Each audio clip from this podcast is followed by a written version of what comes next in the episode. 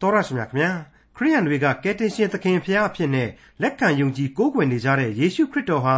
သေခြင်းမြင့်စုမှန်ကိုအောင်မြင်တော်မူခဲ့တဲ့ဖျားဖြစ်တော်မူပါတယ်ယေရှုခရစ်တော်ဟာလက်ဝါးကတိုင်ပေါ်မှာအသေးသက်ခံတော်မူပြီးတဲ့နောက်သုံးရက်မြောက်တဲ့နေ့မှာ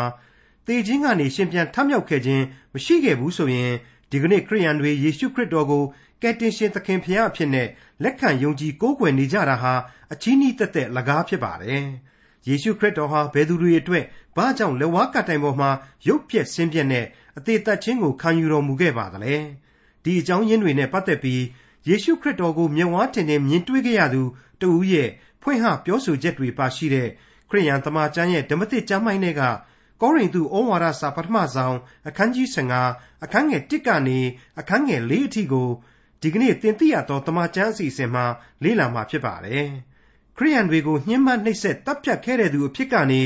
ခရစ်တော်ကိုသခင်ဖရာအဖြစ်လက်ခံယုံကြည်ခဲ့သလိုတခြားသူတွေကိုလည်းပြောခဲ့တာဟာနှလုံးသားသက်သေဖြစ်တဲ့အကြောင်းကောရိန္သုဩဝါဒစာပထမဆောင်အခန်းကြီး15အခန်းငယ်1ကနေအခန်းငယ်4အထိကိုဒေါက်တာထွန်းမြတ်အေးကအခုလိုလေ့လာဖော်ပြထားပါတယ်။သင်သိရသောတမန်ကျမ်းရဲ့မိတ်ဆွေတော်တတ်ရှင်အပေါင်းတို့ခမညာဒီကနေ့အဖို့မှာတော့ကျွန်တော်တို့ဟာကယ်တင်ရှင်သခင်ခရစ်တော်ရဲ့ရှင်ပြန်ထမြောက်တော်မူခြင်းအပေါ်မှာ တမန်တော်ကြီးရှင်ပေါလုကနေပြီးတော့မိษွေတို့ကျွန်တော်တို့နဲ့တကွယုံကြည်သူမယုံကြည်သူတွေအားလုံးအတွေ့ဖွင့်ဆိုပြသွားမယ်ကြမ်းကြီးကိုရောက်ရှိလာပါပြီဟုတ်ပါတယ်ကယ်တင်ရှင်ရဲ့ရှင်ပြန်ထမြောက်တော်မူခြင်းအကြောင်းကိုအလေးအနက်ဖော်ပြသွားမယ်ကောရိန္သုဩဝါဒစာပထမစာဆောင်အခန်းကြီး15ကိုရောက်ရှိလို့လာခဲ့ပါပြီဒါကြောင့်မို့လို့လေဒီအခန်းကြီး15ဟာဖြင့်ကနဦးခရိယန်အသင်းတော်တို့ရဲ့သမိုင်းဥစာပေတွေထဲမှာ အရေးအကြီးဆုံးကြမ်းကြီး10ခုတည်းကတစ်ခုလို့ကျွန်တော်တို့ရှင်းရှင်းလေးပဲဆိုကြပါမယ်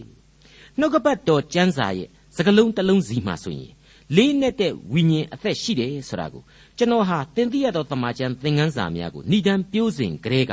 အလေးအနက်ပြောခဲ့ပြီးပါပြီထပ်ပြောဖို့တောင်လုပ်မယ်မထင်ပါဘူးဒါပေမဲ့အဲ့ဒီလိုအရေးကြီးလာပါတယ်ဆိုတဲ့ကျမ်းတီတဲမှာမှလူသားတို့အဖို့ဓာတ်ရိုက်အလင်းရောင်ကိုပေးပြီးတော့လက်တွေ့လမ်းစဉ်ကိုတဲ့တဲ့ကြီးညွှန်ပြတဲ့ကျမ်းတီရှိပြန်ပါတယ် အဲ့ဒီအထက်မှာတော့အခုကောရိန္သုဩဝါဒစာပထမစာဆောင်အခန်းကြီး15ဟာအတော်ကြီးကိုအရေးကြီးတဲ့ကြံကြီးဖြစ်တယ်အလွန်အလွန်အရေးကြီးတဲ့ကြံကြီးဖြစ်တယ်လို့ကျွန်တော်ဆိုချင်ပါတယ်ခရစ်တော်ရဲ့လူသားဘဝခန္ဓာကိုယ်ဟာသေခြင်းမှအမှန်ထကြွရှင်သန်လာနိုင်ပါမလားဆိုတဲ့လူသားတွေရဲ့သိပ္ပံနိကြတန်တရားတွေကိုဒီကျမ်းဟာအများကြီးရှင်းပြသွားနိုင်မှာဖြစ်ပါတယ်မိษွေသောတတ်ရှင်အပေါင်းတို့ခမညာ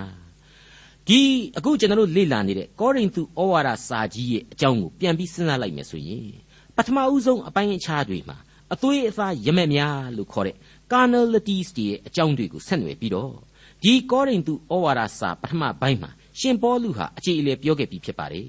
ဒါကိုမိษွေတို့အားလုံးမှတ်မိနေဖို့လိုပါတယ်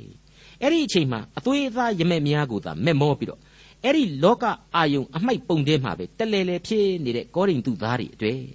အဲ့ဒီအပိုင်းအဆုံးအမတွေဟာကျွန်တော်ခေတ်သစ်လူသားတွေအတွက်လေရှင်သန်နေနေလာတဲ့အတိတ်ပဲရှိနေသေးပဲဆိုတာကိုလေကျွန်တော်ပြောခဲ့ပြီးဖြစ်ပါတယ်အဲ့ဒီလိုရမက်များအသွေးအသားပူလောင်မှုများနဲ့ဆိုင်တဲ့အဆုံးအမတွေပြီးပြန်တော့ကျွန်တော်ဟာချစ်ချင်းမေတ္တာရဲ့အကြောင်းကိုဆက်လက်ပြီးတော့လေ့လာခဲ့ကြရပါတယ်အဲ့ဒီလိုချစ်ချင်းမေတ္တာတရားအပိုင်းကိုရောက်တော့လေတန်ရှင်းသောဝိညာဉ်တော်အားဖြင့်သီးခြင်းပွင့်ခြင်းထွန်းကားခြင်းဆိုတဲ့မေတ္တာတရားဟာသာလျှင်အမျက်ဆုံးဖြစ်တဲ့အကြောင်းကိုရှင်ပေါလုအထူးပြုဆုံးမခဲ့ပြီးဖြစ်ပါတယ် သင်ကြားခဲ့ခြင်းဖြစ်ပါတယ်သင်ကြားခဲ့ပြီးဖြစ်ပါတယ်ဒီသူ့ရဲ့ဆုံးမဩဝါဒတွေကိုကျွန်တော်တို့လည်းစိတ်ထဲမှာသေချာကြည်ကြည်လေးလေးနားလေသဘောပေါက်ကြပြီးပြီလို့ကျွန်တော်ကတော့အလေးနဲ့တွေးမိပါတယ်အဲ့ဒီလိုချစ်ချင်းမေတ္တာဆိုတာဟာကျွန်တော်တို့ခရစ်တော်ကိုယုံကြည်သူတို့အဖို့အစင်မပြတ်ရောင်ပြန်ဟပ်နေရမယ်ချစ်ချင်းမေတ္တာသဘောတရားဖြစ်တယ်ဆိုတာကိုလေကျွန်တော်ဖော်ပြရှင်းလင်းခဲ့ပြီးပါပြီအဲ့ဒီလိုအသွေးအသားရမက်များကိုအခြေခံခဲ့တဲ့အပိုင်း ခရစ်တော်ရဲ့တန်ရှင်းသောဝိညာဉ်တော်မှာအခြေခံတဲ့မေတ္တာတရားရဲ့အပိုင်းတွေကိုကြော်လွန်ပြီးအခုရောက်ရှိလာတာကတော့တတိယမြောက်အပိုင်းအခြားဖြစ်တဲ့သေခြင်းမှရှင်ပြန်ထမြောက်တော်မူခြင်းကနေပြီးတဆင့်ရယူရမယ်ဝိညာဉ်ရေးခွန်အားများခံစားရယူရအပိုင်းကြီးပဲဖြစ်ပါတယ်ဟုတ်ပါတယ်တဲ့တဲ့ကောင်းမွန်တဲ့ဝိညာဉ်ခွန်အားဆိုတာဟာလူသားတို့ရဲ့သမိုင်းမှာတခြားဘယ်မှမှရှာလို့မတွေ့နိုင်ပါဘူးကျွန်တော်တို့ဟာဘုရားသခင်ကိုခရစ်တော်အားဖြင့်ချင်းကပ်ကိုးကွယ်ကြတာ ယုံကြည်ကြတာဟာမဟာမျှော်လင့်ခြင်းကြီးနဲ့ဖြစ်ပါတယ်ကိုယ်တိုင်ဟာမြေမှုန့်ကလာလို့မြေမှုန့်ကိုပြန်ရမယ်ဏိကုံးပန်းတိုင်ကိုကြော်ပြီးတော့ထာဝရအသက်ကိုရဖို့သာကျွန်တော်တို့မျှော်လင့်ကြမှာဖြစ်ပါတယ်မျှော်လင့်တိုက်တာလည်းဖြစ်ပါတယ်ဘာဖြစ်လဲဆိုတော့မျှော်လင့်ဖို့အတွက်လေနှုတ်ကပတ်တော်ဟာအစဉ်တစိုက်ကျွန်တော်တို့ကိုသွန်သင်ပေးခဲ့ပြီမဟုတ်ဘူးလားဒီတော့ခရစ်တော်ရဲ့ရှင်ပြန်ထမြောက်တော်မူခြင်းနဲ့မိမိတို့ကိုယ်တိုင်ဟာသေခြင်းကိုအောင်ဖို့တဲ့ လူသားတယောက်အနေနဲ့ပို့ပြီးနှစ်လူပွဲကောင်းတဲ့အခြားဆန္ဒမရှိတော့ဘူးလို့ကျွန်တော်ဆိုချင်ပါတယ်အခြားတည်းကောင်းတဲ့မျှော်လင့်ချက်ဆိုတာဟာလေလူသမိုင်းမှာမရှိနိုင်တော့ဘူးလို့ပဲကျွန်တော်တွေးပါတယ်ခရိယန်ယုံကြည်သူတို့အဖို့ဘဝဆိုတာဟာနေဝင်ချိန်တော့ရှိရမှာလူတဘာဝအမှန်ဖြစ်ပေမယ့်ဝိညာဉ်ဟာတော့ဘယ်တော့မှနေမဝင်နိုင်ပါဘူးဒါကြောင့်လဲလူတယောက်အနေနဲ့တတ်နိုင်သမျှဘုရားသခင်အတွက်လူဘဝတာဝန်တွေကိုယူရအောင်အသက်တာကိုရှင်သန်ခြင်းပေးမယ် ဘုရားသခင်ကလိုက်ခဲ့ဆိုပြီးတော့ခေါ်ဆောင်သွားမယ်ဆိုရင်လေပူဇော်ပင်ဇော်အကြောင်းဘာမှမရှိပါဘူးပူဇော်ဘာမှမလိုပါဘူးဘုရားသခင်ခေါ်တဲ့အချိန်မှာခေါ်တဲ့အတိုင်းကောက်ကောက်ပါအောင်လိုက်သွားရုံပဲရှိပါတယ်အဲ့ဒီကောင်းငင်အသက်တာအတွက်သားလျှင်ရှင်သန်ရာမြေပေါ်မှာကျွန်တော်တို့ဟာရှင်သန်ရာဘဝတစ်လျှောက်လုံးပြင်ဆင်ထားဖို့အထူးပဲလိုပါတယ်ကျွန်တော်ရဲ့ဓမ္မတေးတည်ခြင်းတွေတဲကခွန်အားပေးနေတဲ့တည်ခြင်းတွေတဲမှာမိုးတောက်ကျယ်များဤလင်းရောင်သည်မှေးမိန်ကဆိုပြီးတော့အစချီထားတဲ့တခြင်းကလေး ကျွန်တော်အားလုံးရကြပြီဖြစ်တယ်လို့ကျွန်တော်မျှော်လင့်ပါတယ်အတုပအခမ်းအနားတွေအောက်မေ့ပွဲစည်းဝေးတွေမှာအများဆုံးဆိုနေတဲ့အလွန်တေးလေးပဲပေါ့အဲ့ဒီတခြင်းကလေးကိုကျွန်တော်ကဒီအပိုင်းမှာသွားပြီးတော့ဆင်ခြင်အောက်မေ့မိပါတယ်အဲ့ဒီတခြင်းရဲ့တတိယအပိုင်းမှာကကဲတင်ရှင်သည်ကြောက်မြတ်များပြင်ဆင်သောအခါဝမ်းမြောက်ခြင်းတရဖူများဆောင်းရကြဆိုတဲ့အပိုက်ကိုကျွန်တော်စဉ်းစားရင်တန်ဝေကယူမိခြင်းဖြစ်ပါတယ်ကျွန်တော်လူသားတို့အတွက်ခရစ်တော်ရဲ့အသေးခံတော်မူခြင်းအဖြစ်ကျွန်တော်ဟာအသက်တရဖူကိုဆောင်းကြရပါတယ် အဲ့ဒီအသက်တရဖူကိုခရစ်တော်ကပေးတာမှန်တယ်ကျွန်တော်ကဆောင်းရတယ်ဆိုတာလည်းမှန်တယ်ဒါပေမဲ့ကျွန်တော်အမှန်တကယ်တန်ဖိုးထားကြပါရဲ့လားဆိုတာဟာအလွန်အရေးတကြီးထားပြီးတော့စဉ်းစားစရာကောင်းလာတဲ့အချက်ပါ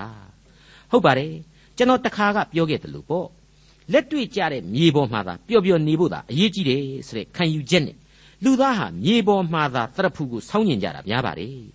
အဲ့ဒီလိုမြေပေါ်မှာတရဖူကိုမျောလင့်တန်းတကြမဲ့မောနေကြရတာနဲ့ပဲ ခရစ်တော်ကိုလူသားတို့ဟာမေ့လျော့ကြောခိုင်းသွားတတ်ကြတယ်သူ့ရဲ့ရှင်ပြန်ထမြောက်တော်မူခြင်းဘုံတော်ဝင်စားခြင်းတွေကိုအလိုလိုမျက်စိကွယ်သွားကြရပါတယ်သူပေးတဲ့ဂရိတော်တို့ကိုလည်းမေ့လျော့ကြောခိုင်းသွားကြပါတယ်ဒါဟာယုံကြည်ပါတယ်ဆိုသူခရိယန်ဒီအတွက်တောင်မှအလွန်ယဉ်နှင့်ပွေသောဝိညာဉ်ရေးဆုံးရှုံးမှုကြီးပဲလို့ကျွန်တော်ဆိုချင်ပါတယ်အခုရှင်ပေါလုဟာရှင်ပြန်ထမြောက်တော်မူခြင်းအပိုင်းကိုရေးသားပြီးတော့ဆုံးမတဲ့အချိန်မှာခရစ်တော်ရဲ့ဝမ်းမြောက်ဖွယ်ရာသတင်းကောင်းသို့မဟုတ်ခရစ်ဝင်ကျမ်းတွေထဲမှာ ပါဝင်တဲ့ရှင်ပြန်ထမြောက်တော်မူခြင်းဆိုတဲ့ဂန္ဓဟာဘလောက်အရေးကြီးတယ်ဆိုတာကိုထပ်မံဖော်ပြလာပါတယ်ကျွန်တော်တို့ဒီအပိုင်းတွေမှာအလေးအနက်မြင်လာမှလည်းဖြစ်ပါတယ်စင်စစ်မှာတော့ရှင်ပြန်ထမြောက်တော်မူခြင်းမရှိဘဲနဲ့ခရိယန်တို့အဖို့ဘာယုံကြည်ခြင်းမှရှိเสียအကြောင်းမရှိတော့ပါဘူးရှင်ပြန်ထမြောက်တော်မူခြင်းအပြင်သာလျှင်ဖျားသခင်ကိုယုံကြည်ကိုးကွယ်ခြင်းရဲ့အနှစ်သာရအတိတ်ပဲဟာပြည့်စုံနေရတာဧကန်အမှန်ပါဒါကြောင့်လဲရှင်ပေါလုဟာယောမဩဝါဒစာအခန်းကြီး၄အငယ်35ကလေးက အသေးခံတော်မူခြင်းဆိုတာဟာကျွန်တော်အပြစ်တွေအတွက်ဖြစ်တယ်ရှင်ပြန်ထမြောက်တော်မူခြင်းဆိုတာကကျွန်တော်အတွက်သာဝရအသက်လမ်းကိုဖွင့်ပေးခြင်းဖြစ်တယ်ဆိုတာဒီကိုရှင်းပြသွားခဲ့ပြီးဖြစ်ပါတယ်ယောမဩဝါဒစာအခန်းကြီး၄အငယ်35ကိုကျွန်တော်တို့ပြန်ကြည့်ရင်တွေ့နိုင်ပါတယ်ထိုသခင်ယေရှုသည်ငါတို့အပြစ်ကြောင့်အနှံခြင်းကိုခံတော်မူ၏ငါတို့သည်ဖြောင့်မတ်ရာသို့ရောက်မည်အကြောင်းထမြောက်တော်မူ၏တဲ့ရိုးရိုးနဲ့ရှင်းရှင်းကလေးပဲဖြစ်နေပါတယ်ကျွန်တော်ကအခုဒီနေရာမှာရှင်ပြန်ထမြောက်တော်မူခြင်း resurrection ဆိုတာကိုအတိတ်ပဲရှင်းပြခြင်းပါတယ်အမှန်မှာကတော့ anastasis nikron ဆိုတဲ့ဒီစကားဟာရုပ်ပိုင်းဆိုင်ရာခန္ဓာကိုယ်တစ်ခုကနေပြန်ပြီးတော့နိုးထတယ်ဆိုတဲ့စကားပဲဖြစ်ပါတယ် anastasis ဆိုတာကတော့အမှန်တော့မတ်တပ်ပြန်ထခြင်းဆိုတဲ့အဓိပ္ပာယ်ကိုဆောင်းပါတယ်ဒီတော့တဲ့တဲ့လင်းလင်းပြောရမယ်ဆိုရင်ကျွန်တော်အခုသုံးဆွဲနေတဲ့ resurrection ဆိုတာဟာဝိညာဉ်ရေးအတိတ်ပဲသဘောသက်သက်မဟုတ်တဲ့ရုပ်သဘောအရာရှင်ပြန်ထမြောက်ခြင်းကိုပို့ပြီးတော့ရည်ညွှန်းပါတယ် တပါးရီကျွန်တော်တို့သိထားဖို့ကတော့အဲ့ဒီရှင်ပေါလုတို့ခေတ်ကာလအချိန်အဲ့ဒီခေတ်လူတွေအသေးဆွဲနေတဲ့အပိဓမာကြီး၃ခုရှိခဲ့တယ်ဆိုတဲ့အချက်ပါဒါကိုအခြေခံအားဖြင့်ကျွန်တော်တို့နားလည်ထားရင်ဒီအပိုင်းကိုပို့ပြီးသဘောပေါက်နိုင်မှာမဟုတ်လို့ကျွန်တော်အနေနဲ့အနည်းငယ်ရှင်းပြခြင်းပါတယ်အဲ့ဒီအချိန်မှာပေါ်ထွန်းနေတဲ့အပိဓမာကြီး၃ခုကတော့ stoicism ဆိုတာရယ် epicurean ဆိုတာရယ် platonism ဆိုတာတွေရယ်ပဲဖြစ်ပါတယ်ရှင်ပေါလုက stoicism ဆိုတာကိုသတော်အိတ် epicurean ဆိုတာကို epicura ဆိုပြီးတော့ဖော်ပြတယ်ဆိုတာကိုတမန်တော်ဝတ္ထုထဲမှာကျွန်တော်တို့တွေ့ကြရပြီးပါပြီ platonism ကိုကြတော့အမိမဖော်ပဲနဲ့အယူဝါဒကြီးတစ်ခုအနေနဲ့ရှင်ပေါလုတမန်တော်ဝတ္ထုထဲမှာပဲရည်ညွှန်းဖော်ပြခဲ့တာကိုတွေ့နိုင်ပါသေးတယ်အဲ့ဒီအဘိဓမ္မာတွေအရဆိုရင်ခရစ်တော်ရဲ့ခန္ဓာကိုယ်ဟာပြန်လဲပြီးတော့ရုပ်ခန္ဓာကြီးနဲ့ထမြောက်တယ်ဆိုတဲ့အချက်ကိုဘယ်လို့မှအဲ့ဒီခေတ်လူသားတို့ဟာလက်မခံနိုင်ကြပါဘူးဘာလဲဆိုတော့ဒီအဘိဓမ္မာတွေဟာအဲ့ဒီအချိန်မှာလွှမ်းမိုးနေတယ်လို့ကျွန်တော်ပြောခဲ့ပြီးပြီမဟုတ်ဘူးလား အဲ့ဒါကြောင့်လေအဲ့ဒီအချိန်ကာလမှာအသက်ရှင်တော်မူသောဘုရားသခင်ကိုကိုးကွယ်တဲ့ဂျူးတွေကိုယ်တိုင်ဟာလေအခုလိုခရစ်တော်ဟာရုပ်ကိုယ်ခန္ဓာအားဖြင့်ဘင်းမြင်ပြန်လဲရှင်ပြန်ထမြောက်တယ်ဆိုတာကိုလက်သင့်မခံနိုင်ကြတာဟာမထူးဆန်းဘူးလို့ကျွန်တော်ဆိုချင်ပါတယ်အခုထပ်ပြီးကျွန်တော်ပြောချင်တာကတော့ရှင်ပေါလုအခုပြောခဲ့တဲ့ရှင်ပြန်ထမြောက်တော်မူခြင်းဆိုတာဟာဝိညာဉ်ရေးရှင်ပြန်တာကိုမဆိုလိုပဲနဲ့ရုပ်ခန္ဓာရှင်ပြန်ထမြောက်ခြင်းကိုဆိုလိုတယ်ဆိုတဲ့အချက်ပါ ကျွန်တော်တို့ကဒါကိုသေသေးချာချာခွဲခြမ်းစိတ်ပြန်နားလည်ထားသင့်ပါတယ်ဒါကြောင့်လဲအဲ့ဒီအဘိဓမ္မာတို့အတိုင်းသာယုံကြည်တဲ့ရှေးခေတ်လူသားတွေအဖို့ရှင်ပေါလုပြောနေတာတွေဟာအသက်ရှင်တော်မူသောဘုရားသခင်နဲ့မဆိုင်တဲ့သူတို့နားမရင်နိုင်တဲ့အခြားဘုရားအသစ်တပါးပါပဲဖြစ်ရမယ်လို့လေလူသားတွေဟာပြောင်းလဲခံယူခဲ့ကြပါတယ်တနည်းအားဖြင့်တော့ကယ်တင်ရှင်သခင်ခရစ်တော်ရဲ့ရှင်ပြန်ထမြောက်တော်မူခြင်းကိုညှင်းပယ်ကြတယ်ဆိုတဲ့အဓိပ္ပာယ်ပေါ့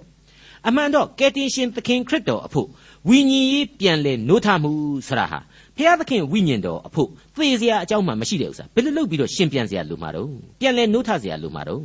ဒါကြောင့်ခရစ်တော်မှာရှင်ပြန်ထမြောက်တော်မူခြင်းဆိုတာဟာဝိညာဉ်ရေးအရာနိုးထတာမဟုတ်ပါဘူးရှင်ပြန်စရာထပ်မံအသက်ဝင်စရာလည်းမလိုပါဘူးရုပ်ခန္ဓာနိုးထခြင်းသာလိုပါတယ်ရုပ်ခန္ဓာနိုးထခြင်းရှင်ပြန်ထမြောက်ခြင်းသာလျှင်ကဲတင်ရှင်အတွက်အမှန်ဖြစ်ရပါမယ်ရှုပ်များရှုပ်ကုန်ကြပါသလား မရှုပ်ကြပါနဲ့ကျွန်တော်ဆက်ပြီးတော့အတတ်နိုင်ဆုံးရှင်းပြပါမယ်ကျွန်တော်တို့လူသားမှာကောအဲ့ဒီလိုဝိညာဉ်ရေးအရာနိုးထနေစရာအမှန်လိုသလားဆိုတဲ့အချက်နဲ့ပဲလွယ်လွယ်ကလေးကျွန်တော်ရှင်းနိုင်လိမ့်မယ်လို့ကျွန်တော်ယုံကြည်ပါတယ်ပမာအားဖြင့်ဘုရားသခင်ကိုကိုးကွယ်ခရစ်တော်ကိုယုံကြည်သူတို့ရဲ့ဝိညာဉ်ဒီဟာသိနိုင်ပါသလားမသိနိုင်ပါဘူးသိနိုင်တာကတော့ကျွန်တော်တို့မှန်ရှိမှရက်လိုက်တာနဲ့တွေ့ရတယ်ကျွန်တော်ရဲ့အတဘောကျွန်တော်ရဲ့ရုပ်ခန္ဓာကိုရုပ်အစုအဝေးကြီးပါပဲဟုတ်ပါတယ် အပုတ်ကောင်ရုပ်ဆောင်ထားတဲ့ကျွန်တော်တို့ခန္ဓာကိုယ်ကြီးဟာမုတ်ချသေကိုသေကြရမှာဖြစ်ပါတယ်မြေကြီးအောက်ကိုရောက်ကိုရောက်ကြရမှာဖြစ်ပါတယ်ဒါဟာမြေကြီးလက်ခံမလွဲပါပဲဒါပေမဲ့ဝိညာဉ်ဆိုတာကတော့ခရစ်တော်ကိုယုံကြည်ခြင်းအပြင်အစဉ်ရှင်သန်နေကြရမှာဧကန်အမှန်ပါသေခြင်းဆိုတဲ့ရုပ်ဝါရဲ့ပျက်စီးမှုဏိကုံးမှာကောင်းကင်အသက်တာဟာမုတ်ချရှင်သန်ကြရမှာသာဖြစ်ပါတယ်ဒါကြောင့်မို့အခုကောရိန္သုဩဝါဒစာရဲ့ဒီအပိုင်းမှာဖော်ပြတဲ့ခရစ်တော်ယေရှုရဲ့ resurrection သို့မဟုတ်ရှင်ပြန်ထမြောက်ခြင်းဆိုတာဟာ မသေးနိုင်သောဝိညာဉ်ရဲ့ရှင်ပြန်ထမြောက်တော်မူခြင်းမဟုတ်ရုပ်ခန္ဓာကိုပြန်လဲရှင်ပြန်ထမြောက်ခြင်းသာဖြစ်တယ်ဆိုတာကိုအခြေခံသစ္စာတရားအဖြစ်ကျွန်တော်မှတ်သားနာယူထားကြပါစို့ဒါကိုကောရိန္သုဩဝါဒစာဒုတိယစာဆောင်အခန်းကြီး9အငယ်6ကနေ8အထိဖတ်ပြရင်းနဲ့ကျွန်တော်အကိုအကားထပ်မံပြုလိုပါတယ်ထို့ကြောင့်ငါတို့သည်ကိုခန္ဓာ၌နေမြဲနေစဉ်ကာလသခင်ဖျားနှင့်ကြွာဝေးရအရ၌နေသည်ကိုငါတို့သည်သိလျက်အစဉ်ရဲရင်သောစိတ်ရှိကြ၏ မျက်မှောက်မမြင်ဘဲယုံကြည်မျှော်လင့်ခြင်းရှိသည့်အတိုင်းငါတို့သည်ကျင့်ဆောင်ပြုမှုသည်ဖြစ်၍ကိုခန္ဓာနှင့်ကြွာဝေးရအရသို့သွား၍သခင်ဖျားထံ၌နေမြဲနေစေခြင်းဟာအလိုရှိလျက်ရဲရင်သောစိတ်နှင့်ပြည့်စုံကြ၏ဆိုတဲ့အချက်ပါဟုတ်ပါတယ်ကောရိန္သုဩဝါဒစာဒုတိယစာဆောင်အခန်းကြီး9အငယ်6ကနေ8အတွင်းမှာတွေ့ရတဲ့အချက်ပါပဲတနည်းဆိုရရင်တော့ဒီကျမ်းအရာအခုလောကအသက်တာဒီကဘာမှာရှင်သန်ရာလူဘဝကမှဝေးကွာလှမ်းနေသေးတယ် အမှန်မှာကိုယ့်ရဲ့ဝိညာဉ်ဟာဖျားသခင်စီကစတင်လာခဲ့တာဖြစ်လို့အဲ့ဒီနေမြဲအရက်ကိုလောကရန်သေခြင်းအဖြစ်ပို့ပြီးတော့တောင်းမှထိတွေ့ခွင့်ကြုံရသေးတယ်ဆိုတာကိုရှင်ပေါလုပြောလိုက်တာပါပဲဆက်လက်ပြီးတော့ရှင်ပေါလုဖော်ပြလိုက်တာကိုတော့အဲ့ဒီကျမ်းနဲ့တစ်ဆက်တည်းဆက်ပြီးတွေ့နိုင်ပါလေထို့ကြောင့်ငါတို့သည်နေမြဲအရက်၌နေသည်ဖြစ်စေကွာဝေးရာအရက်၌နေသည်ဖြစ်စေသခင်ဖျားနှစ်သက်တော်မူသောသူဖြစ်စေခြင်းဟာစေတနာစိတ်ရှိ၍ကြိုးစားအားထုတ်ကြ၏ဆိုတဲ့အချက်ပါပဲမှန်ပါတယ်ကျွန်တော်ဟာ မြေသားဘဝရှင်သန်ရာအချိန်ကာလမှာကိုဖျားသခင်ရဲ့ဝိညာဉ်အသက်တာနဲ့ဝေးသေးတယ်ဆိုပြီးတော့ဝန်းနေနေဖို့လိုသလားမလိုပါဘူးဖျားသခင်ရဲ့အလိုတော်ကိုဆုတောင်းနဲ့စောင့်နေုံပဲရှိပါတယ်ကျွန်တော်တို့အဖို့ဝိညာဉ်အရာပန်းတိုင်ဟာရှိပြီးပြီသာဝရအသက်ဆိုတာဟာစောင့်ကြုံနေပြီပူပန်စရာအရှင်းမရှိပါဘူးပျော်ရွှင်စွာနဲ့လုံခြုံချမ်းမြေ့စွာနဲ့အလိုတော်ကိုဝန်ခံပြီးတော့ရှင်သန်နိုင်တဲ့ဘဝအသက်တာမှာကျွန်တော်ယက်တည်နေဖို့လိုပါတယ်တနည်းအားဖြင့်ဆိုရင်တော့ကိုယ့်ကိုယ်ကိုစေတနာစိတ်ရှိတယ်ဆိုရင် တနည်းအားဖြင့်ကိုယ်ဝိညာဉ်တန်ဖိုးကိုကိုသိတယ်ဆိုရင်ဖျားသခင်နှစ်သက်တော်မူသောသူများအဖြစ်နဲ့ကိုယ်ဝိညာဉ်နေရာမှန်ဖြစ်တဲ့ဖျားသခင်ထံတော်ကိုကျွန်တော်ဟာမရောက်ရောက်အောင်သွားရမယ်မရောက်ရောက်အောင်သွားဖို့ရန်အတွက်မိမိတို့ရှင်သန်ရာမြေလောကမှာအလိုတော်နဲ့အညီရှင်သန်ကြရမယ်ဆိုတဲ့အချက်ပါပဲမိษွေအပေါင်းတို့ခမညာအခုရောက်ရှိနေတဲ့ကောရိန္သုဩဝါဒစာပထမစာဆောင်အခန်းကြီး15ကိုဂန္ဓာတွေ၅ခုပိုင်းခြားပြီးတော့ကျွန်တော်တို့လေ့လာသင့်ပါတယ်ပထမဂန္ဓာကတော့ အခန်းကြီး15ရဲ့အငယ်1ကနေ4အထိဖြစ်ပါတယ်အဲ့ဒါကတော့ရှင်ပြန်ထမြောက်တော်မူခြင်းရဲ့တိကျသောတစ္ဆာဖြစ်ခြင်းအကြောင်းပါဒုတိယအပိုင်းအခြားဂန္ဓာကြီးကတော့အငယ်9ကနေအငယ်19အထိအကျုံးဝင်ပါတယ်ရှင်ပြန်ထမြောက်တော်မူခြင်းရဲ့သက်သေထင်ရှားသောအချက်များပဲဖြစ်ပါလေတခါအငယ်20ကနေ28ကိုကြပြန်တော့ကျွန်တော်တို့ဟာတတ္တယဂန္ဓကိုရောက်ပြီလို့ဆိုရပါလိမ့်မယ်အဲ့ဒါကတော့ရှင်ပြန်ထမြောက်တော်မူခြင်းအခမ်းအနားများဖြစ်တယ်လို့ကျွန်တော်ဆိုချင်ပါတယ် အဲ့ဒီနောက်အငယ်26ကနေ90အထိကိုတော့သရုတ်ထဂန္ဓအဖြစ်ကျွန်တော်ဖော်ပြလိုပါတယ်ရှင်ပြန်ထမြောက်တော်မူခြင်းရဲ့အစီအစဉ်နဲ့ပုံစံများရဲ့အပိုင်းလို့ဆိုလို့ရပါတယ်ဏီကုံးချုပ်အနေနဲ့ကတော့ဒီအခန်းကြီး15ရဲ့ပြင်စမမြောက်ဏီကုံးပိုင်းဂန္ဓအဖြစ်ရှင်ပြန်ထမြောက်တော်မူခြင်းရဲ့တကောအာနိသင်အပိုင်းပဲဖြစ်ပါတယ်ဒါကိုကျွန်တော်မိษွေတို့နားလည်အောင်လို့အခုလိုကြိုတင်ဖော်ပြထားခြင်းဖြစ်ပါတယ်ကျွန်တော်ရဲ့ရှင်းလင်းဖွင့်ဆိုချက်များဟာလေဒီဂန္ဓများအလိုက်ပဲဖြစ်သွားပါလိမ့်မယ် အဲ့ဒီလိုအပိုင်းလိုက်ခွဲခြားလိုက်ခြင်းအပြင်မိษွေတော်တတ်ရှင်တို့အားလုံးအတွက်ပို့ပြီးတော့နားလေလွယ်ကူနိုင်တယ်ရှင်းလင်းနိုင်တယ်လို့ကျွန်တော်အနေနဲ့လေးစားစွာယုံကြည်မိပါတယ်ကောင်းပြီကောရိန္သုဩဝါဒစာရဲ့ပထမဂန္ဓအဖြစ်ရှင်ပြန်ထမြောက်တော်မူခြင်းရဲ့တိကျသောအဖြစ်အကြောင်းကိုအခုလိုစတင်ပြီးတော့နားဆင်ကြည့်ကြပါစို့အငယ်1မှ4ညီအကိုတို့ ငါတို့သည်တင်တို့အားဟောပြောဘူးသည်နှင့်အညီတင်တို့သည်ခံယူ၍မိဝဲစည်းကပ်သောဧဝံဂေလိတရားကိုတင်တို့အားတဖန်ငါကြားလိုက်၏အထက်ကငါပြောသည့်အကြောင်းများကိုသင်တို့သည်အကျိုးမဲ့မယုံပဲစိတ်ဆွဲလန်းလျင်ထိုဧဝံဂေလိတရားအဖြစ်ကဲတင်တော်မူခြင်းသို့ရောက်ကြ၏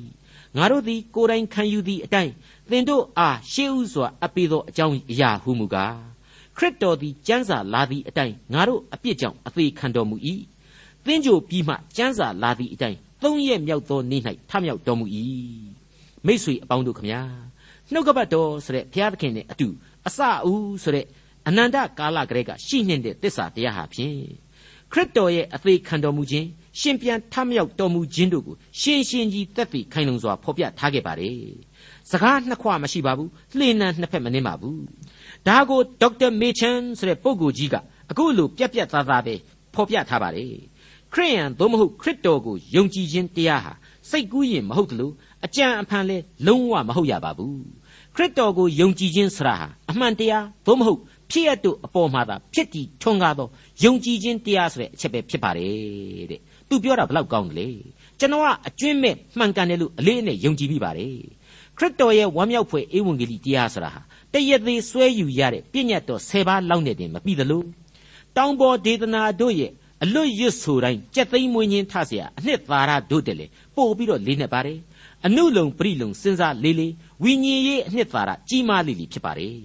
သဘောတရားကိုသိလီစွဲမဲ့လို့မပြေနိုင်တော့အောင်စိတ်စွဲညှိပွဲအသက်တရားလမ်းကိုညွှန်ပြလို့လည်းနေပါတယ်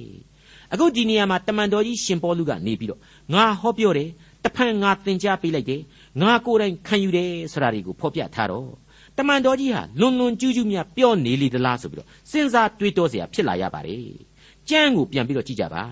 ညီအကိုတို့ငါတို့သည်သင်တို့အားဟောပြောဘူးသည်နှင့်အညီသင်တို့သည်ခံယူ၍မိဝဲစည်းကပ်သောဧဝံဂေလိတရားကိုသင်တို့အားတဖန်ငါကြားလိုက်၏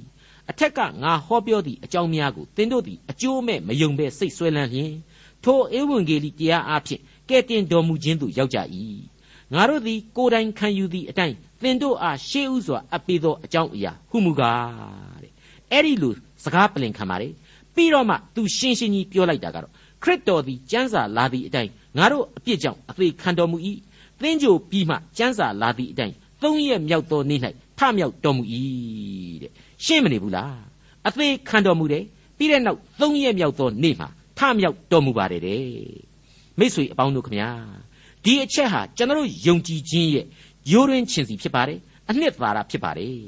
အဲ့ဒီကျွန်တော်အတွက်အခြေခံကြတဲ့အနှစ်သာရကြီးကိုတမန်တော်ကြီးပြောတာဘာမှလွန်လွန်ကျူးကျူးမဖြစ်ပါဘူးတမန်တော်ကြီးဟာသူ့ရဲ့အင်မတန်ရှင်းလင်းကြည်လင်သောအမှန်သစ္စာခံယူချက်ကိုသာဖော်ပြလိုက်တာဖြစ်ပါတယ်လူတိုင်းခံယူရမယ့်ခံယူချက်အဖြစ်လေသူရှင်းရှင်းလင်းလင်းဖော်ပြလိုက်တာဖြစ်ပါတယ်ဟုတ်ပါတယ်ဒီကျမ်းတည်းရဲ့မတိုင်ခင်ကသူ့ရဲ့ဖြစ်ရမှန်တွေကိုပြန်လှည့်ကြည့်လိုက်တာ ਨੇ ရှင်းလင်းထင်ရှားနေပါတယ် သူဟာခရစ်တော်ကိုဘလောက်မုန်းတီးခဲ့တယ်ဆိုတာမိတ်ဆွေတို့မှတ်မိကြတယ်မဟုတ်ဘူးလားခရစ်တော်ရဲ့တပည့်တော်တွေကိုတပ်ဖြတ်ဖို့ဖမ်းဆီးဖို့သာလျှင်သူဟာသူ့လမ်းကိုတောက်လျှောက်လျှောက်သွားခဲ့တယ်လူမိုက်ကြီးပေါ့တတိဖန်ကိုတတ်တဲ့အချိန်တုန်းကဆိုရင်သူကတက်သေးခံခဲ့တယ်လို့တောင်ဆိုတယ်အဲ့ဒီအချိန်မှာဒမတ်စကတ်ဆိုတဲ့အခုခေတ်စီးရီးယားမြို့တော်ကခရိယန်ဒီရဲ့နောက်ကိုအခုတမန်တော်ကြီးရှင်ပေါလုမဖြစ်ခင်ရှောလူဆိုတဲ့ပုဂ္ဂိုလ်ဟာအဲ့ဒီခရိယန်တွေကိုတတ်ဖို့လှုပ်ကြံဖို့အသွားမှာ ခရစ်တော်ရဲ့အလင်းအရှိန်နဲ့အုပ်ဖမ်းပြီးတော့ခရစ်တော်ကိုဖူးတွေ့ခဲ့ရပါတယ်ဘဝအတွေ့တို့ပြောင်းလဲခဲ့ရပါတယ်ဒါကိုကျွန်တော်တို့သိခဲ့ပြီးပါပြီအဲ့ဒီဓမ္မသက်သို့မဟုတ်ဒမတ်စကတ်မြို့တော်ကြီးကနေမှသူဟာဂျာကာလာနှစ်ပေါင်းအတော်ကြာအောင်နှုတ်ကပတ်တော်မှာပျောက်ကွယ်နေခဲ့ပြီမေသမိုင်းဆရာတို့ရဲ့ဖော်ကျူးချက်အရာသူဟာအဲ့ဒီအချိန်မှာဆော်ဒီအာရေဗျသဲကန်ဒါယကြီးထဲမှာခရစ်တော်ရဲ့မြစ်တာတော်ကိုအကြာကြီးခံစားရင်းနဲ့ကိုယ့်ကိုယ်ကိုပြင်ဆင်နေခဲ့တယ်လို့ကျွန်တော်တို့သဘောပေါက်နိုင်ပါတယ် ကိုယ့်ကိုယ်ကိုပြင်ဆင်နေတယ်ဆိုတာကတော့တခြားမဟုတ်ပါဘူးကျွန်တော်တို့အခုခေတ်လူတိုင်းနားလည်အောင်ပြောရမယ်ဆိုရင်တော့တရားအားထုတ်နေခဲ့တဲ့သဘောပဲပေါ့ဥပုသ်ဆောင်နေခဲ့တဲ့သဘောပဲပေါ့အဲ့ဒီလိုနီးနဲ့သူဟာခရစ်တော်ရဲ့ရှင်ပြန်ထမြောက်တော်မူခြင်းကိုကိုယ်တိုင်သိနာလေခဲ့ရတယ်လို့ရှင်းရှင်းကလေးကျွန်တော်တို့ဆိုနိုင်ပါတယ်ကိုယ်တိုင်သိနာလေခဲ့ရတဲ့ရှင်ပြန်ထမြောက်တော်မူခြင်းဟာလေသူ့ရဲ့အဲ့ဒီသဲခန္ဓာရအတွင်းကနေ့ရဲ့အတွေ့မှာ ပို့ပြီးတော့ခိုင်မာစွာယုံကြည်ခြင်းဆွဲလန်းခဲ့ရလိမ့်မယ်လို့ရှင်းရှင်းကလေးပဲကျွန်တော်တွက်ဆပါတယ်သူဟာသူ့ကိုခရစ်တော်ကဓမ္မသက်မြို့နာမှာခေါ်တဲ့အချိန်အထိခရစ်တော်ရဲ့ရှင်ပြန်ထမြောက်တော်မူခြင်းဆိုတာကိုငကန်းတစ်လုံးမှမသိခဲ့ပါဘူးယုံလည်းမယုံခဲ့ပါဘူးမယုံခဲ့လို့သာလျှင်ခရစ်တော်ကိုလိုက်ပြီးတော့မုန်းတီးတဲ့လူကြီးတယောက်ဖြစ်နေတာပေါ့ခရစ်ယာန်တွေကိုလိုက်ပြီးတတ်နေတာပေါ့ဒါရှင်းနေတယ်မဟုတ်ဘူးလားဒါကြောင့်လဲသူကသူ့ကိုအလင်းတန်းကြီးနဲ့အုပ်ဆိုင်လိုက်တဲ့အချိန်မှာကောက်ခါငင်ကပါဇက်ကနေလှုပ်ခနဲ့ထွက်ခဲ့တဲ့စကားကတော့ မိကွန်းကတော့တခြားမဟုတ်ပါဘူးသခင်ကိုတော်သည်အဘယ်သူနည်းဆိုတဲ့မိကွန်းပါပဲတမန်တော်ဝတ္ထုအခန်းကြီး9အငယ်9မှာဒါကိုရှင်းရှင်းကြီးကျွန်တော်တို့တွေ့ကြရပြီးသားဖြစ်ပါတယ်ဒီတော့သူ့အဖို့သခင်ဆိုတာကိုခရစ်တော်မှန်သူမသိခဲ့ပါဘူးသူ့ရဲ့စိတ်ဓာတ်တွေမာနသဘောတွေဟာခရစ်တော်ကိုသူမျက်စိရှံနေစေုံသာမကရှင်ပြန်ထမြောက်တယ်ဆိုတာကိုလေဘယ်လို့မှသူလက်မခံနိုင်ခဲ့တာဟာသိကြနေပါလေ ဒါကြောင့်အခုလိုတမန်တော်ကြီးကအခုလိုကောရိန္သုဩဝါဒစာကနေတဆင့်ငါကိုယ်တိုင်ခံယူတယ်ငါခံယူတဲ့အတိုင်းလေးဟောပြောတယ်သင်တို့လည်းခံယူနိုင်မယ်စီကတ်နိုင်ကြလိမ့်မယ်ဆိုပြီးတော့ပြောလိုက်တာဟာသူ့ရဲ့နှလုံးသားနဲ့ယဉ်နှီးထားရတဲ့ကဲတင်ခြင်းတရားကိုလက်ခံခြင်းခရစ်တော်ပေးတဲ့သာဝရအသက်ကိုလက်ခံရရှိခြင်းကိုအထင်သာသက်တည်တိလိုက်ခြင်းနဲ့အတူတူပါပဲဟုတ်ပါတယ်အဲ့ဒီအချိန်မှာသူပါဇက်ကထွက်ခဲ့တဲ့အသံဟာသူ့ရဲ့အစ္ဆထသဘောတရားအမှန်ကိုဖော်ပြနေပါတယ် သခင်ကိုတော်သည်အဘယ်သူနည်းဆိုတဲ့မိကွန်းပါပဲမိတ်ဆွေအပေါင်းတို့ခမညာခရစ်တော်ရဲ့ရှင်သန်ခြင်းအသေးခံရရစ်အဖြစ်ကားတိုင်းတော်ပေါ်မှာတက်ပြီးတော့အသက်တော်ကိုစွန့်ခြင်းပြီးတဲ့နောက်ရှင်ပြန်ထမြောက်တော်မူခြင်းဆိုတဲ့အရာတွေဟာကျွန်တော်ယုံကြည်သူများအဖို့မလွဲသေးကြမြတ်သစ္စာလို့ခေါ်ဆိုနိုင်တဲ့သစ္စာတရားအမှန်တွေပါပဲအဲ့ဒီသစ္စာတရားတွေအပေါ်မှာသာလျှင်ကျွန်တော်လူသမိုင်းကြီးတစ်ခုလုံးရဲ့လူသားတိုင်းရဲ့မျှော်လင့်ချက်တို့ဟာလေပြည့်စုံလာမှာဖြစ်ပါတယ် လူတ attva တို့နဲ့ထိုက်တန်တဲ့လွတ်မြောက်ရာအသက်လမ်းဟာလေအဲ့ဒီအချက်တွေးပေါ်မှာသာစောက်တည်ရတာဖြစ်ပါတယ်ဒါတွေကိုတမန်တော်ကြီးဟာဒီကျမ်းအဖြစ်အခိုင်အမာဆိုဖွင့်လိုက်တယ်လို့ကျွန်တော်ဆိုချင်ပါတယ်ဟုတ်ပါတယ်တနည်းအားဖြင့်တော့အဲ့ဒီလိုခရစ်တော်ရဲ့ရှင်ပြန်ထမြောက်တော်မူခြင်းဆိုတာဟာဝမ်းမြောက်ဖွယ်အေဝံဂေလိသတင်းစကားပဲဖြစ်ပါတယ်ဒီနေရာမှာကျွန်တော်ကိုယ့်ကိုယ်ကိုပြန်လဲနှိုင်းဆပြီးတော့ဝမ်းမြောက်ဖွယ်ဧဝံဂေလိတရားရဲ့သဘောတရားဆိုတာဟာဘာလဲဆိုတာကိုစဉ်းစားမိတာကလေးတစ်ခုနဲ့ဥပမာပေးခြင်းပါလေ ကျွန်တော်ကိုမိษွေတူတယောက်ကနေပြီးတော့တကယ်ကြီးမင်းကငါဝန်းသာစရာစကားတစ်ခုပြောခြင်းနေမင်းဟာမင်းအတတ်ပညာနဲ့မင်းအရေးအချင်းနဲ့မင်းရဲ့ကြောတော့နောက်ခံနဲ့ဝင်ငွေတွေထွက်ပြီးတော့အပြင်မှာရှာမယ်ဆိုရင်မလွဲမသွေမင်းကြီးပွားလိမ့်မယ်ဟိဒါအပြင်အဲ့ဒီလိုတခြားစီးပွားရေးမလုပ်ချင်ရင်လေအဲ့ဒီလိုအလုပ်မဟုတ်တဲ့ဂုံမဏီကြီးတွေမှာဒါမှမဟုတ်ရင်လေစီးပွားရေးလုပ်ငန်းကြီးတွေတခုခုမှာပါဝင်ဆောင်ရွက်မယ်ဆိုရင်လေ ဒီတဲ့မင်းအများကြီးကြီးပွားမယ်တန်းကြွယ်တထေးကြီးတောင်ဖြစ်လာနိုင်ွယ်ရှိတယ်ဆိုပြီးတော့အပိလာတယ်ဆိုပါတော့ကျွန်တော်အဖို့ဒါဟာဝမ်းမြောက်စရာလို့ဆိုနိုင်ပါမလားဒါသူတို့ပြောမှလားကျွန်တော်လည်းသိတာပေါ့ရှောက်ပြီးကျွန်တော်ကဒါကိုလက်မှတ်ကလေးထောင်ပြီးတော့ကြွနေလို့ကောဘသူ့အဖို့ထူးခြားတဲ့ဧဝံဂေလိသတင်းကောင်းကြီးဖြစ်နိုင်မှာတုံးဒီလိုပဲလေမိတ်ဆွေတွေလည်းဒီတိုင်းပဲပေါ့ကြောတော့နောက်ခံပိုက်ဆံရှိတယ်အလုတ်လုပ်မယ်စူးစမ်းမယ်နိုင်ငံခြားသွားအောင်လုပ်မယ်စသဖြင့်အမျိုးမျိုးလုပ်မယ်ဆိုရင်ကြီးပွားချမ်းသာနိုင်တာပေါ့နိုင်ငံခြားကုမ္ပဏီကြီးတွေနဲ့ဆက်သွယ်မယ် နိုင်ငံခြားစီးပွားဒေါ်လာရတဲ့လုပ်ငန်းကြီးတွေလုပ်မယ်စူးစမ်းအားထုတ်မယ်ဆိုရင်ဒီလိုပဲချမ်းသာကြီးပွားမှာပေါ့ဒါဘာဆန်းတုံးဒီကနေ့ချမ်းသာကြီးပွားနေတဲ့ဆိုတဲ့လူတွေဒီအတိုင်းပဲချမ်းသာနေကြတာပဲမဟုတ်ဘူးလားအဲ့ဒါမျိုးတွေကိုရှောက်ပြောနေကိုကိုကိုကြွားရရောက်နိုင်တယ်လို့ကြောင်လဲကြောင်နိုင်မှာအကန့်အမှန်ပါပဲတကယ်ကြွားသင့်ဝါသင့်တာကတော့ငါမှကုန်းကောက်เสียမရှိတဲ့အခြေအနေမှာငါကိုငါဆွေမျိုးတွေကအလွန်ချစ်တဲ့တထေးကြီးတယောက်ကသူ့အမွေတွေအဖြစ်သူ့မသေးခင်ကလေးရှိသမျှတွေအကုန်လုံးပုံအောသွားတယ် ငါဟာအဲ့ဒါကြောင့်ဟောဟောတိုင်းတိုင်းချမ်းသာသွားရတယ်ထူးထူးဆန်းဆန်းသကောင်ညကနေပြီးတော့အလင်းထွက်လာတဲ့နေ့သစ်တယောက်ကိုရောက်တယ်လို့ပဲငါခံစားရတယ်စသည်ဖြင့်စသဖြင့်အဲ့ဒီလိုပြောနိုင်ပါမှကိုယ်လည်းအရသာရှိတယ်ကြားရတဲ့လူအတွက်လည်းပါဇက်အဟောင်းသားဟရလောက်အောင်ဖြစ်သွားမယ်မဟုတ်ဘူးလားအဲ့ဒီတော့အေဝံဂေလိသတင်းစကားဆိုတာဟာအဲ့ဒီသဘောတရားအတိုင်းပဲ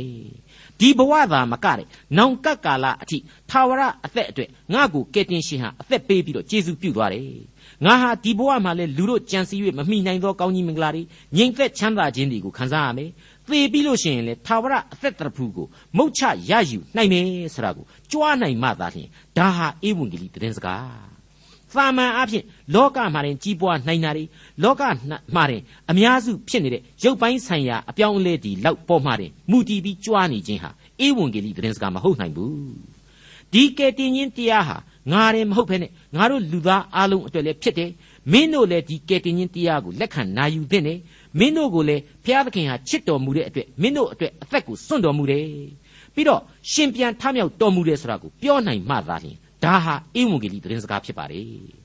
ဒါကိုငါဘဝမှာငါကိုယ်တိုင်ထိတွေ့ခံစားခဲ့ရပြီးဖြစ်တယ်လို့မင်းတို့အားလုံးလည်းခံစားရမှာအသေးအချာဖြစ်တယ်ဆိုတာကိုအာမခံနိုင်လေလေဒီသတင်းကောင်းဟာပို့ပြီးတော့ခိုင်မာလေလေလို့လည်းကျွန်တော်တို့ပြောနိုင်ပါလိမ့်မယ် မင်းစူးစမ်းပြီးတော့အာထုတ်ရှာဖွေအလုတ်လုတ်အကျိုးရှိမယ်ဆိုတာ ਨੇ ဘာမှမဆိုင်ဘူးမဟုတ်ဘူးလားအဆင့်ချင်းသိပ်ကွာခြားနေပြီဆိုတာရှင်းရှင်းကြီးသဘောပေါက်နိုင်ပြီမဟုတ်ဘူးလားဒီနေရာမှာတမန်တော်ကြီးကခရစ်တော်ကိုအကျိုးမဲ့မယုံပဲစိတ်ဆွဲလန်းခြင်းရှိလိုက်တယ်ဆိုတာကိုဖော်ပြပါတယ်ကျမ်းစာကိုတစ်ခေါက်ပြန်ဖတ်ပြပါရစေအောင်သင်တို့အားတဖန်ငါကြားလိုက်၏အထက်ကငါဟောပြောသည့်အကြောင်းများကိုသင်တို့သည်အကျိုးမဲ့မယုံပဲစိတ်ဆွဲလန်းလျင်ထိုဧဝံဂေလိတရားအဖြစ် ကဲတင်တော်မူခြင်းသို့ရောက်ကြ၏အဲ့ဒီလိုဖော်ပြထားပါတယ်ဒီအချက်ဟာကျွန်တော်အကြိမ်ကြိမ်ဖော်ပြခဲ့ဘူးတဲ့အတိုင်းပဲခရစ်တော်ကယ်တင်ရှင်ရဲ့ကြဲပြန့်နေဆိုင်သောမေတ္တာတော်ကိုသိသာစေလှပါတယ်ခရစ်တော်ရဲ့မေတ္တာတော်ဆိုတာဟာတိုင်းတာလို့မရကောင်းပါဘူးဒီမေတ္တာတော်ကြောင့်ကယ်တင်ခြင်းကိုရယူရမယ့်လူတွေရဲ့ပမာဏကိုကျွန်တော်ဘယ်လို့မှခံမှန်းလို့မရနိုင်သလိုယုံကြည်ခြင်းရဲ့အာနိသင်ဟာဘလောက်အထိကြီးမားအားကောင်းတယ်ဆိုတာကိုလေကျွန်တော်ဘယ်သင်္ချာနည်းနဲ့မှတွက်ဆလို့အဖြေမပေးနိုင်ပါဘူး မိတ်ဆွေအပေါင်းတို့ခမညာခရစ်တော်ရဲ့တက်တော်စင်မှာတပည့်တော်၁၇ယောက်အမာခံရှိခဲ့ပြီးတဲ့နောက်အဲ့ဒီ၁၇ယောက်နဲ့ခရစ်တော်ရဲ့ဧဝံဂေလိသတင်းစကားဟာကဘာကိုစတင်ပြန့်နှံ့ခဲ့ရပါတယ်ပြီးတဲ့နောက်မှာတော့ရှင်ပေါလုဘာနဘရှင်လုကာစတဲ့ပုဂ္ဂိုလ်ကြီးတွေဟာယုံကြည်ခြင်းအမွေနဲ့အတူအမှုတော်ကိုထမ်းဆောင်သွားခဲ့ကြပါတယ်အဲ့ဒီတပည့်တော်လက်တဆုပ်စာဆိုတာဟာခရစ်တော်သေပြီဆိုတာနဲ့တောကိုပြန်ပြီးတော့လဲလုတ်ယုံပင်လေပြာကြီးစီကိုပြန်ပြီးတော့တငါလှုပ်ရှားယုံကလွဲလို့ ဘာမှကြီးမားတဲ့ရည်မှန်းချက်ကြီးတွေမရှိခဲ့ကြရှာပါဘူးရှိခဲ့သည်ရှိတော်လေခရစ်တော်ရဲ့ခန္ဓာကိုယ်သေခြင်းနဲ့အတူသူတို့ရဲ့အိမ်မက်တွေမျောလင့်ချက်တွေအားလုံးဟာပျက်စီးကွယ်ပြောက်သွားမှာသာဖြစ်ပါတယ်အခုတော့တယောက်မှဒီလိုမဟုတ်ခဲ့ကြရှာပါဘူးယောမတန်ဖနှောက်အောက်ကယောမဓာတ်လန်ဒီအောက်မှာပဲသူတို့ဟာသခင်ရှင်ပြန်တော်မူခြင်းသတင်းကိုအသက်ဖက်နဲ့ထုတ်ပြီးတော့လောကမြေအနှံ့ခြေဆန့်ပြီးတော့အမှုတော်ကိုဆောင်သွားခဲ့ကြပါတယ်တကယ်သာသခင်ရှင်ပြန်ထမြောက်မှုမရှိခဲ့ရင် လောကမှာဘယ်လူမိုက်ကမှအသက်ကိုဖက်ကလေးနဲ့ထုတ်ပြီးတော့ဒီဧဝံဂေလိအလုပ်ကိုလုပ်ခဲ့ကြမယ်မဟုတ်ဘူးဆိုတာအသေးချပါပဲ